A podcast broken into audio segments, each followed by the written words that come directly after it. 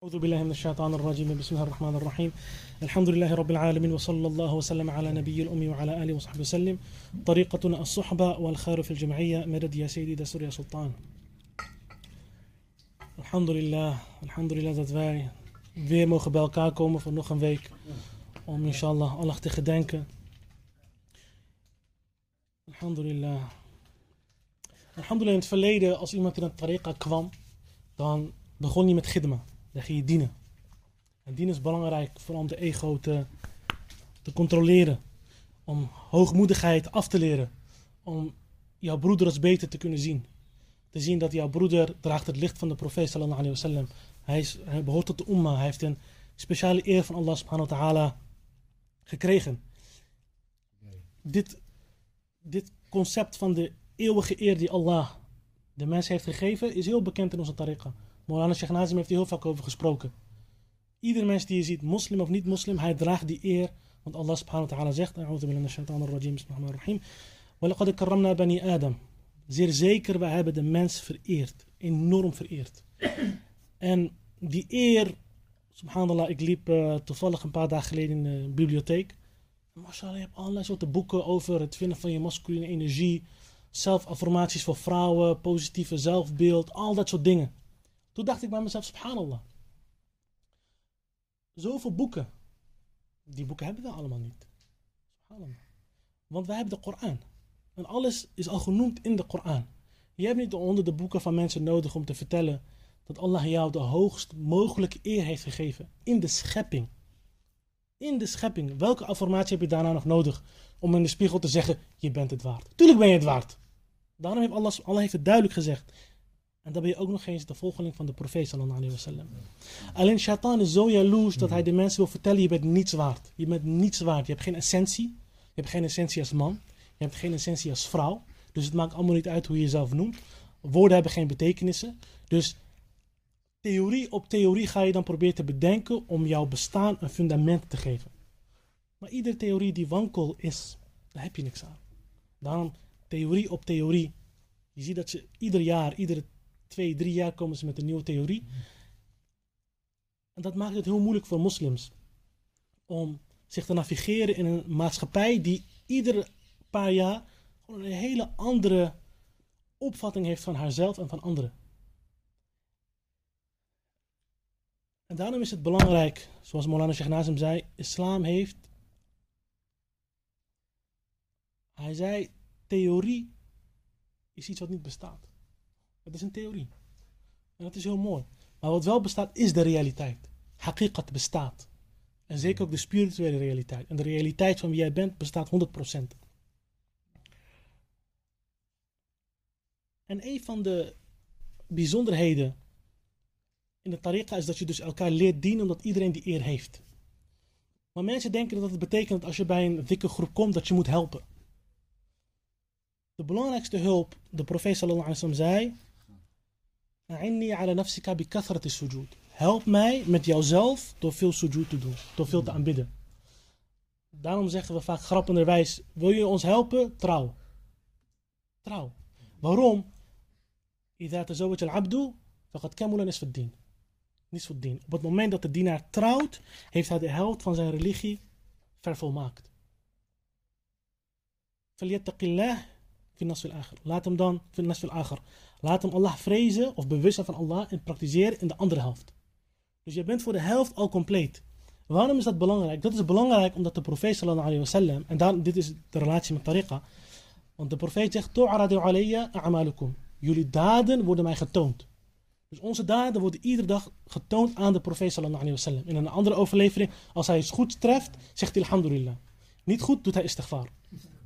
Alleen in deze hadith wordt gezegd, jullie daden worden mij getoond. Wordt niet gezegd wie het dan toont. En daarom zeggen sommigen, de awliya Allah zien eerst onze daden en zij tonen het aan de profeet sallallahu alayhi wasallam. Voor de mensen die heel strikt aan de tekst van de hadith willen houden, het kan ook iets anders betekenen. Klopt. Maar daarom zeg ik de shiur zeggen de zeggen. En dat betekent dus dat iedere dag, iedere nacht, wanneer ze zien wat onze staat is, wanneer de profeet sallallahu alayhi wasallam onze staat te zien krijgt, hopen dat het hem blij maakt.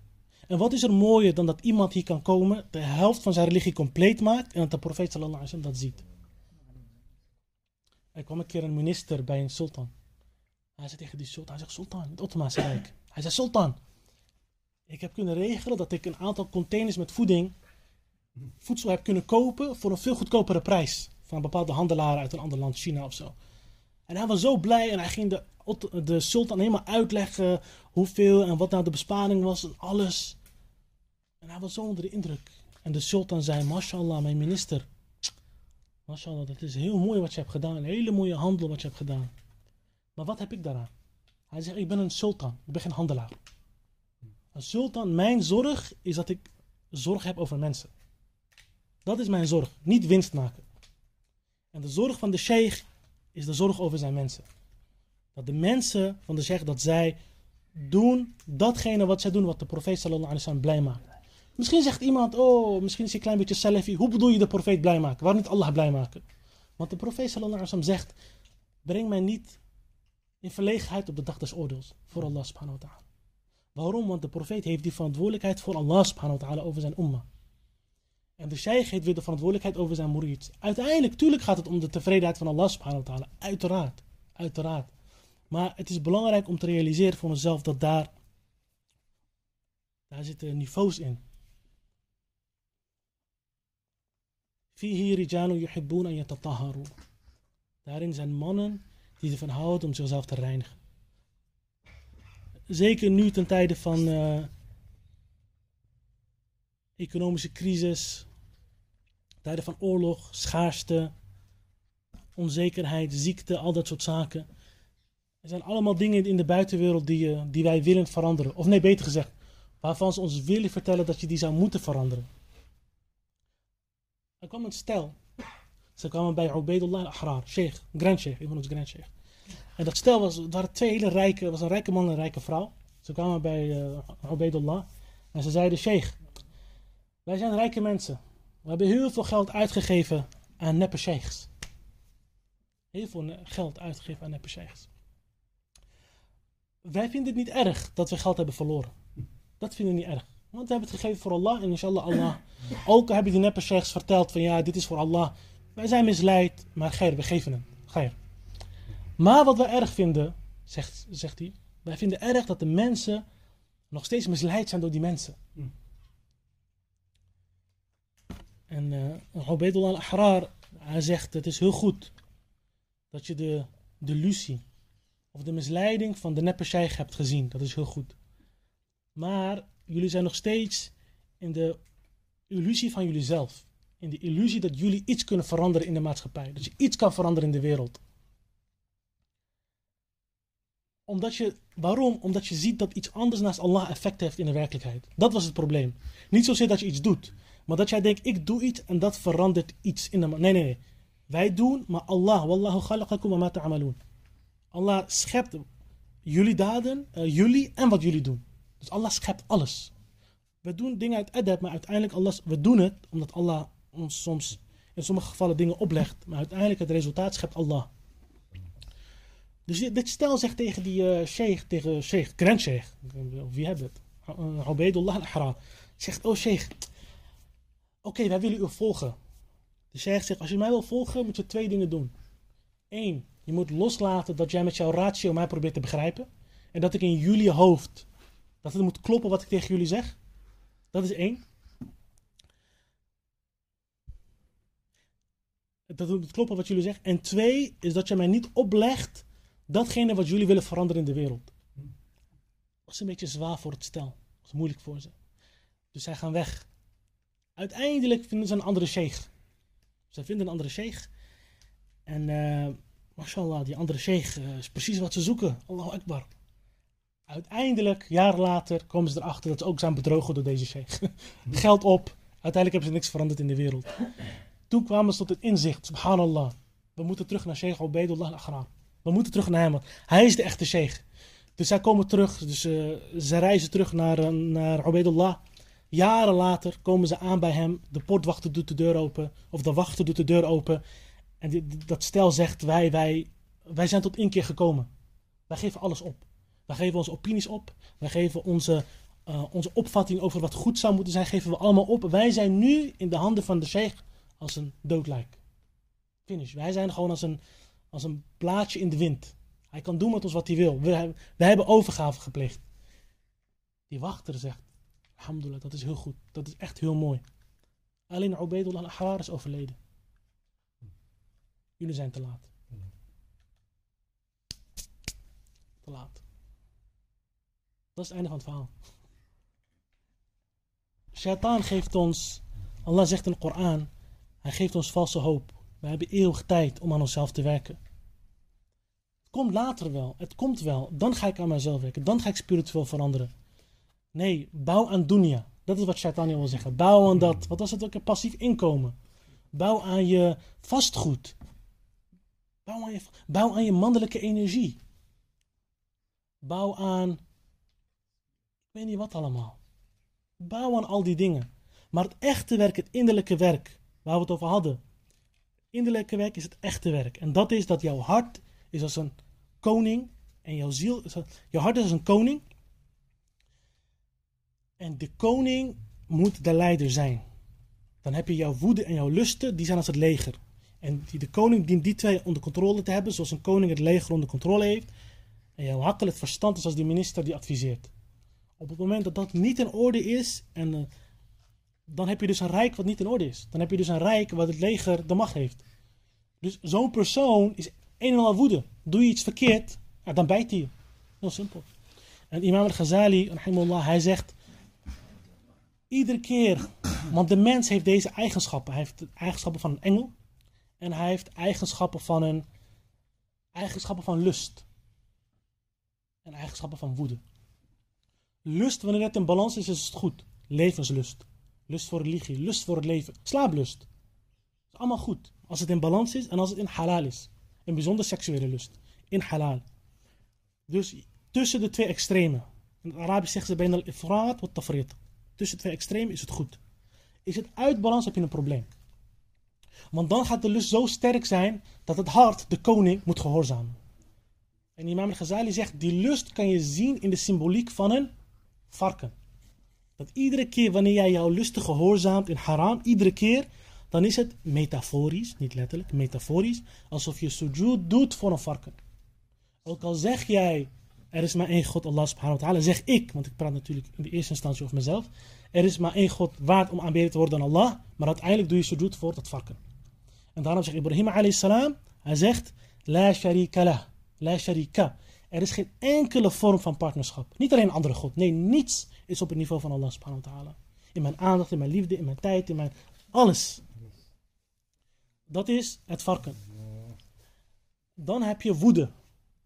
En woede, wanneer het in balans is, is het een manier om jezelf, dat noemen ze Qurrat al-Ghadab, om jezelf te beschermen. Dat is goed. Woede is goed. Heb je nodig. Als het balans is, heb je roekeloosheid. En als het aan de andere kant uit balans is, heb je lafheid. Dus tussen die twee is het in balans. Iemand die wiens uh, woede uh, hem overheerst, dan is het dat de koning, jouw hart en jouw ziel, moet dus jouw woede gaan gehoorzamen. En dat is iemand in de symboliek van Imam Ghazali weer, een hond. Iemand die anderen bijt. Iemand die agressief is, die anderen pijn doet, die kwetst met de tong. Of en sommige mensen, die worden, die, die, dan wordt het bijna demonisch, die genieten daarvan om mensen te pijnigen. Telkens is het een soort sujud voor een hond. En dan zegt Imam al-Ghazali, heb je nog een derde categorie eigenlijk. En dat is in de symboliek van een demon. Dat is mensen bedriegen. Beetje, en ook weer dat, genieten van pijn van anderen. Mensen bedriegen, listigheid, uh, twee gezichten. Dit zijn allemaal eigenschappen alsof jij sujud doet voor een shaitaan. Dus dit is het innerlijk koninkrijk. Dus als, op het moment dat die, als de hond, het varken en de shaitaan onder controle zijn, en het hart de bovenhand heeft en de sultan, dus het hart en de ziel, dan komen de karaktereigenschappen van een engel komen naar voren in de mens. Eén valkuil daarin is dat je kan denken dat je goddelijk bent. Want Fir'aun zijn, an rabbakum al-a'la. Ik ben jullie grootste god. Welke andere god? Ik ben de grootste god, wat bedoel je? Dat kan een valkuil zijn van spiritualiteit. Daarom, tasawwuf zonder nederigheid, prullenbak. Dat is een probleem, dat is een heel groot probleem. Dat is een van de ergste problemen, een van de grootste bestraffingen ook, is op het moment dat je daar wordt misleid. En daarom geeft de shiuch niet zomaar spirituele kennis aan iemand. Want als je dat krijgt, komt shaitan meteen om je te misleiden, dan heb je een probleem. We mogen al ons beschermen en daarom zoeken we niet dat. Wij willen met Rasulullah zijn, sallallahu alayhi wa. De liefde is het doel, niet spirituele geheim, geen probleem. Oké, waarom nu dit? Want hier hadden we het vorige week ook over. Waarom? De reden om dit weer te benoemen is dat als we alleen, als je alleen dit weet van het leven, deze innerlijke werkelijkheid van de mens, op ieder moment in jouw leven dat je uit balans raakt, kan je self-assessment doen. Kan je jouzelf gaan analyseren, hey, wat is met mij aan de hand? En dan ga je begrijpen wat de nood is van een sheikh. Oké, hoe krijg je nu dat varken onder controle? En die hond en die satan, hoe doe ik dat? En de sheikh is de persoon die de ego van de mens zo goed kent dat hij precies weet wat je nodig hebt. Zelf ga je het niet aankunnen. Het wordt too much. En als je zelf direct de confrontatie aanzoekt, vreet jouw ego je op. En dan ben je nog verder van huis. En de regels van de islam, gewoon de verplichte dingen van de islam te doen, worden, wordt de ego wel getraind. Dat gebeurt dan daar. En degene die dat doet, inshallah, mogen ons, ons laten behoren tot hen. Zij, zij worden getoond aan Rasulullah sallallahu alayhi wa sallam. Hun daden worden getoond aan de profeet sallallahu alayhi in de hoop dat het hem blij maakt. Zodat je vervolgens de noer van de profeet sallallahu alayhi wa sallam kan krijgen. Dit is de echte eer. Dit is, de, dit is het echte werk. En zelfs in oorlogstechnieken zeggen ze ja, je moet eerst analyse doen van jezelf en dan analyse van de buitenwereld. Wat ze ons leren is dat je altijd maar kijkt naar de buitenwereld. Wat probeert die te beramen? Armoede, allemaal andere dingen aan de buitenkant, maar nooit de assessment aan de binnenkant. Subhanallah. Subhanallah. Om daar een voorbeeld van te geven hoe ver de kennis van de awliya Allah gaan. Zij zeggen wanneer mensen over jou praten. Dit is iets wat een heleboel mensen pijn doet. Mensen roddelen over je. Ze zeggen slechte dingen over je. Maar de awliya Allah zeggen, de reden waarom dit gebeurt, is op het moment dat zij over jou roddelen, gaan, jou, gaan hun slechte daden naar jou. Nee, jouw slechte daden gaan naar hen. En hun goede daden komen bij jou. Maar zij zullen meestal roddelen over iets van jou wat je niet werkelijk doet. Zij zullen iets, bepaald, misschien over een bepaalde zonde, bepaalde zonde die jij niet doet, zullen zij dingen zeggen. Ook al is de definitie van roddel datgene wat waar is, maar het gaat om mensen die over je praten. Zij zullen iets zeggen wat jij niet doet. Waarom? Omdat Allah jou op die manier vergeeft, maar hij beschermt jou dat zij niet iets zeggen wat je daadwerkelijk doet. Om jouw eer te beschermen. En zodat wij kunnen inzien, oh subhanallah, Allah reinigt me eigenlijk. Dus daarom roddelen ze over jou. Dus op het moment dat iemand roddelt, alhamdulillah. Gunst van Allah, ik word schoongemaakt. Want als zij wisten wat mijn echte zonde was en ze zouden daarover roddelen, zou ik kapot gaan. Want dan zouden, zouden ze weten. En dan, maar alhamdulillah, Allah laat ze roddelen over iets wat toch niet waar is. En daarna is het dat Allah wil dat jij niet, geen rust vindt in de schepping, maar rust bij Allah subhanahu wa ta'ala. Rust bij Allah subhanahu wa ta'ala vinden, geen rust in de schepping. En zolang iemand rust vindt in de schepping, dit is wat de olia Allah zeggen, diegene die rust zoekt in de schepping, Allah zal hun harten tegen hem keren. Dat hij nooit rust zal vinden. Maar degene die rust zoekt bij Allah, zal overal rust vinden. Overal. Dus dat is het innerlijke werk. Wat wij hopen te doen. En daarom kunnen we nou zelf kijken. Heb ik meer een probleem met mijn varkentje? met mijn hondje? Of een demon? En dan komt de kennis van de sharia. Oké, wat is er voor het varken? Vasten bijvoorbeeld. Trouwen en vasten. Sheikh Nazim zei, of de profeet sallallahu alaihi zei, trouwen is de helft van de religie. Er wordt gezegd dat Sheikh Hisham zelf zei, in die tijd, in deze tijd is het jouw hele religie. Bij wijze van spreken. Bij wijze van hyperbol. Dat het zo belangrijk is. Alhamdulillah. Dat is het varkentje. Of een probleem met woede. Gadab. Als je, als je woedeproblemen hebt, is dieper gelegen. Tuurlijk heb je de hadith door woede. Ga zitten, anders ga liggen. Maar bij woede zit er ook een bepaalde de shiuch zeggen, zoek naar hypocrisie in jouzelf. Zoek naar hypocrisie in jouzelf als je woedeproblemen hebt. Hoe weet wat hypocrisie is? Hebben we sohba's over gedaan een paar weken geleden. Kan je weer wederom, wederom die kennis, belangrijke kennis, self-assessment. Welke, doe ik dingen en denk ik dat ik het doe terwijl Allah het heeft gedaan? En ga ik dan vervolgens mezelf op de borst kloppen, stiekem? Ben ik Allah aan het aanbidden en denk ik, oh Allah, kijk mijn aanbidding terwijl het van Allah is? Een van de elementen. Of een demon listigheid, liegen. En dan moet je vooral kijken naar de regels van de tong. De regels van de tong van de sharia, niet, rosselen, niet uh, roddelen, niet liegen. Uh, als iemand niet kan roddelen en niet liegen, de profeet sallallahu alaihi wasallam zei, als jij mij kan garanderen wat tussen jouw kaken is, dus jouw tong en wat tussen jouw been is, garandeer ik jou het paradijs. Subhanallah, subhanallah. Alleen die, haal die alleen weg. Die twee. Want dat is echt een uitdaging. Aangezien we met de ziektes van het hart bezig zijn, is het belangrijk om te benoemen wat is roddelen. Dat je iets noemt over jouw broeder, wat als hij het hoort zou het hem pijnigen. Dat is hem pijnigen. En hij zou het niet leuk vinden. Dat is roddel. En het beste is, het, het beste is gewoon niet iemand beschrijven met iets slechts. Tenzij het een openlijk iets is waarmee hij anderen schaadt, dan is er een uitzondering. Roddelen is zeker een tariqa met broederschappen, waar mensen nauwe broeders zijn, mensen liefde voor elkaar hebben. Hoeft één keer iemand maar te zeggen, ik hoor dat die en die broeder iets over jou zei. Oh, je maakt de relatie helemaal kapot. Helemaal kapot gemaakt. Zoals Maulana Rumi zei, als twee mensen liefde hebben, is er tussen hun harten een naald. Die aan twee kanten scherp is. Je hoeft maar even te bewegen en het doet pijn.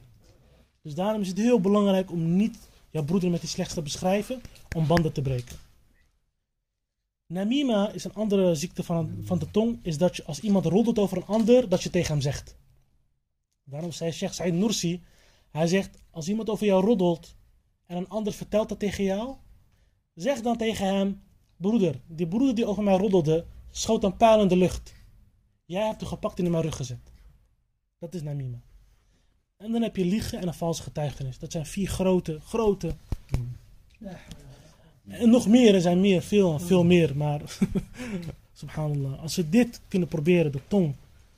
En ik kijk mezelf als eerste aan natuurlijk, dat we onze tong onder controle kunnen krijgen. Hoeveel noer verliezen wij bij, met onze tong? Hoeveel, subhanallah. We krijgen noer. Ga naar de sheikh. Vol met noer. Volgende dag praten we van alles. Dan de hadith. Degene die stil, degene die zwijgt, slaagt. Masamat naja, hadith. Daarom zegt de dichter, al-akhyar at-tahadduthu. Dat een eigenschap van de vrome, de elite vrome, de olia, de akhyar, is dat zij veel praten, maar geen enkele zonde.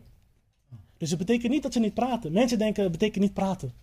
Dan ben je met een broeder die niet praat. Iedereen is ongemakkelijk. Ga tegen de sunnah in. Je bent op je gemak bij jouw broeder. De mu'min is flexibel, hij is relaxed, hij is licht. Je bent met hem, je voelt je goed, ook al ben je een grote zondaar. Maar de wali praat veel. Hij zou kunnen praten en praten. Goed voor de broederschap, voor de relatie. Maar als je goed gaat wegen, geen roddel, geen leugen, geen zondigheid. Subhanallah. Dus mogen Allah ons Laat de behoren van diegenen die daaraan werken, aan onszelf werken. Mogen Allah mij vergeven, jullie zegenen, mogen Allah deze kennis voor ons nuttig maken, dat we daar wat aan kunnen doen, inshallah. بحرمة الحبيب بحرمة الفاتحة آمين